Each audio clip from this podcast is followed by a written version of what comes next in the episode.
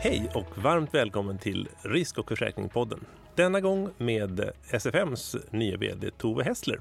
Välkommen! Tack så mycket. Men jag börjar med en uppvärmningsfråga eftersom alla i branschen inte har örnens koll på vem du är. Vem är du? Ja, vem är jag? Det är en bra fråga. Vad jag tänker mig vara är väl en glad tjej, skulle jag nog säga. Många skulle nog kanske säga kvinna, för jag är medelålders. Men jag skulle se mig själv som tjej. Jag har varit länge i försäkringsbranschen, 15 år. Jobbat som chefsjurist, eh, kommer senast från ICA Försäkring. Men har jobbat i olika juristtjänster på försäkringsbolag. Jag tycker om att resa, vara med mina vänner och min familj. Du vet allt det här vanliga som man brukar säga. Umgås, äta gott, dricka gott, ha det kul. Och må gott! Och må gott.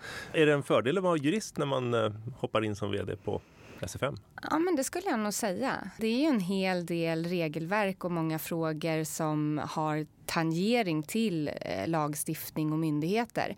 Så att det är en ganska bra bakgrund att ha skulle jag säga. Mm. Hur har det varit nu då? Nu har du varit i några månader. Mm. Vad har hänt hittills? Ja, vad har hänt och vad har inte hänt? Ja, kanske mer det. Eh, det har varit otroligt intensivt. Eh, väldigt mycket nytt att sätta sig in i. Väldigt många nya människor att lära känna, eh, att träffa relationer, att skapa både goda relationer såklart till medlemmarna och myndigheter, men även till mina medarbetare. Summerat kan det sägas att det har varit otroligt roligt, eller är väldigt, väldigt kul. Vad bra. Hur ser en, en vanlig sån här rolig arbetsdag ut? Ja, men jag är oftast inne på kontoret. Det är ganska mysigt att komma in på kontoret i en lägenhet. Man brygger lite kaffe och sätter sig vid datorn och börjar kolla av mejlkorgen. Så det är ganska så här odramatiskt eh, första halvtimme kanske. Mjukstart. Ja, mjukstart på dagen. Sen så är det ofta en hel del möten, både internt eh, för att eh, diskutera olika aktiviteter som SFM har på agendan, men också externt i olika arbetsgrupper som vi har tillsammans med våra medlemmar eller olika kontakter med myndigheter aktiviteter. Eh, så det är en ganska varierad arbetsdag skulle jag mm. säga. Jag har små barn så att jag går ofta kanske och hämtar dem. Men sätter mig eh, kanske någon timme eller så på kvällen också när jag kommer hem. Mm. Vilka är de viktigaste frågorna skulle du säga som ni driver just nu? Det är alltid viktigt att driva frågor som är av intresse för våra medlemmar. Eh, och i stämman i våras så konstaterades att SFM är en branschorganisation. Vilket innebär att vi kommer att driva och vara engagerade i många stora och breda frågor som gäller hela förmedlarbranschen. Så med det sagt så finns det stora frågor på vår agenda som är både för förmedlare men också samhället i stort. Också stora frågor såklart med alla nya regelverk som kommer. Vi har ju Retail Investment Strategy som är en, ett stort fokus för oss. Vi har också allt det som är viktigt för en branschorganisation, det vill säga värdeskapande aktiviteter för våra medlemmar såsom enkel ansökningsprocess, en god kommunikation med myndigheter och en, en nära dialog med Bryssel och lagstiftaren där nere. Mm. Hur ser du på olika regelverk som till exempel RIS, då, Retail Investment Strategy och IDD? Är det onödigt strikta regelverk? Nej, det skulle jag nog inte säga. Eh, regelverken behövs utifrån att vi behöver ha ett högt konsumentskydd eh, och att se till att konsumenter får den rådgivning och de produkter som de har behov av. Däremot så behöver man i lagstiftningsarbete göra grundliga analyser kring hur ett förslag kan slå på de olika marknaderna och vad man kan få för konsekvenser. Eh, och SFM har till exempel utifrån eh, RIS-förslaget eh, framfört att, att man ser att det finns otydligheter som gör att det är svårt att ta ställning till hur förslaget kommer att påverka den svenska förmedlarmarknaden. När ska det vara färdigt? Ja, det är en väldigt bra fråga. Eh, det är frågan om någon kan svara på det faktiskt. Eh, man har haft förhoppningar om att man ska få till några allmänna riktlinjer nu i december. Eh, men det senaste jag har hört är ju att det har kommit in så många ändringsförslag och de är så otroligt eh, olika. Eh, att det, jag, jag ser det som osannolikt att eh, man har någonting att hålla sig i innan årsskiftet. Okej. Okay. På tal lite grann om eh, reglering av förmedlarmarknaden bland annat. Då, då. Vad säger du om EUs och även Finansinspektionens positiva inställning till provisionsförbud? Mm. Ja, positiva inställning. Jag, jag, vet inte om den är positiv eller så, men ett provisionsförbud vet jag ju att, att man förespråkar framförallt i RIS då.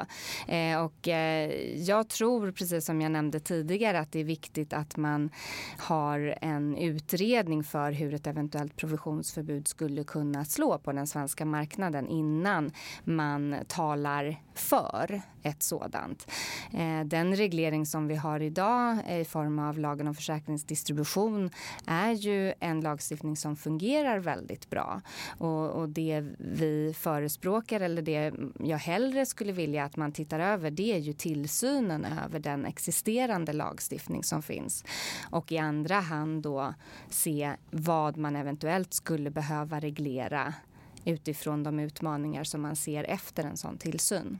Mm. Jag släpper regelverket ett tag. Nu vet jag att du som jurist gärna pratar regelverk. Mm. Men, eh, men om vi ser till den eh, tekniska utvecklingen, hur påverkas ni av den? Vi påverkas precis som alla av den tekniska utvecklingen. Eh, digitalisering är ju här för att stanna och det är någonting positivt så tillvida att man kan nå ut till flera individer. Eh, jag tror personligen att eh, det digitaliserade samhället aldrig kommer att eh, ta över relationssamhället om man säger så. Så vi behöver inte ehm. oroa oss för att, eh, att det bara blir robotrådgivning? Nej, men jag tror inte att vi behöver oroa oss för det. För att eh, de lagförslag som kommer handlar ju om att, att man ska rådge personer utifrån personliga individuella behov. Och det är svårt att göra det på ett digitaliserat sätt. Och jag tror även att de frågor som våra medlemmar sitter med och för försäkringsmarknaden i stort, eh, det är ganska komplexa frågor mer och en tyvärr lågintressant produkt för konsumenter. Varför man gärna har en personlig rådgivare eller någon att hålla i handen och kontrollera att de behov som man tror sig ha fått med i det digitaliserade flödet även faktiskt stämmer överens när man sitter ner och pratar med någon. Mm. Jag hoppar till något helt annat igen. Nu på torsdag så eh, har ni ju Insurenet som mm. lanseras eller den första årliga konferensen mm. lanseras. Vad har ni för förväntningar på det? höga förväntningar har vi. Det är jättespännande och kul att se att eh, vi börjar närma oss den här dagen. Eh, och eh, det är ju ett späckat program med väldigt många intressanta talare. Allt från myndigheter till aktörer i branschen och även representation från Finansdepartementet och Europa. Och vår tanke är ju att vi ska ha en arena där vi kan samla alla aktörer som på något sätt arbetar eller är intresserade av försäkringsdistribution på en och samma plats. Där man kan byta erfarenheter, lära sig av varandra, blicka framåt eh, för att se vad som finns i spå, spåkulan kring försäkringsdistribution framöver. Så att den här dagen är ju någonting som vi alla har jobbat extremt hårt med. Mm. Eh, och vi hoppas att det kommer att bli ett återkommande event eh, där man kan diskutera aktuella frågor. Mm. Räknar ni med att det kommer något så här superkonkret ut ur det här eller är det som ett diskussionsforum där man lyfter intressanta saker som man sen diskuterar under året och sen återkommer till nästa år? Det var en bra fråga. Jag vet inte om vi räknar med det, men jag tänker att det skulle vara väldigt positivt om det kommer någonting superkonkret som man kan arbeta med framöver. Mm. Det har ju varit en väldigt eh, lång pågående konsolidering av förmedlarbranschen. Hur ser du på det? Hur, hur tror du att det utvecklas? Fortsätter det fortfarande eller, eller har det stagnerat lite? Eller vad händer tror du? Nej, men jag tror nog att det kommer att fortsätta på ett eller annat sätt. De eh, regelverk som kommer, det är, det är tunga regelverk och det är tunga regleringar eh, överlag.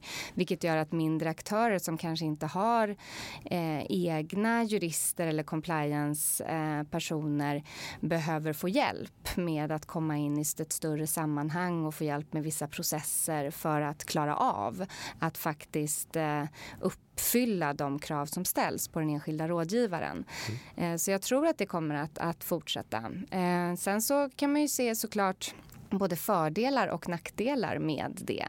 Det är ju eh, utmaningar i att regelverken gör att kanske mindre aktörer eller nya aktörer har svårt att komma in på marknaden vilket eh, sätter käppar i hjulet för konkurrensen.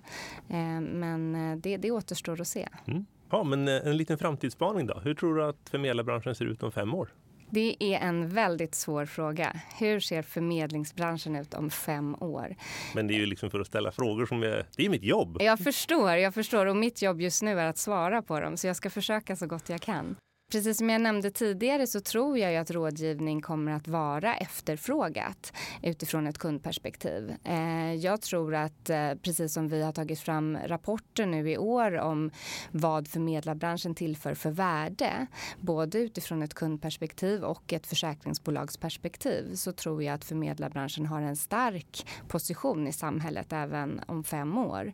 Eh, vi kommer att se att värdeskapande aktiviteter som förmedlarna gör gör, både utifrån en längre kundduration, att kunna specialistämnen eh, som både kunden och försäkringsbolagen efterfrågar, eh, den kommer vara stor fortsatt. Mm. Vad tror du om, om eh, intåget av flera eh, internationella stora förmedlare? Det är ju en av de sakerna som gör att förmedlarnas roll blir starkare det är ju förmedlarna som kan möjliggöra den typen av distributionskraft i Sverige. Eh, och eh, det ökar ju konkurrensen och det gör att eh, kunder kan få bättre produkter, bättre prissättning, bättre villkor helt enkelt. Kanske lite som avslutning här då. Vad skulle du önska dig för dig själv och förmedlarbranschen i julklapp? För förmedlarbranschen så önskar jag väl återigen, alltså det som jag var inne på tidigare, att man verkligen ser värdet av eh, förmedlare i samhället i stort. Både som ett smörjmedel i liksom försäkringsbranschen och även för konsumenter och ett långvarigt sparande. För mig själv så önskar jag att jag fortsatt har väldigt roligt på jobbet, att jag lär känna ännu fler personer och att jag får en god jul med mina vänner och min familj. Suveränt! Då tackar jag så mycket för det. Tack så jättemycket. Och om du undrar vad du har lyssnat på så har du hört Risk och försäkringspodden, en podd utgiven av Bonnier News. Ansvarig utgivare är Peter Fällman, producent som vanligt Julia Siverts. På återhörande i december.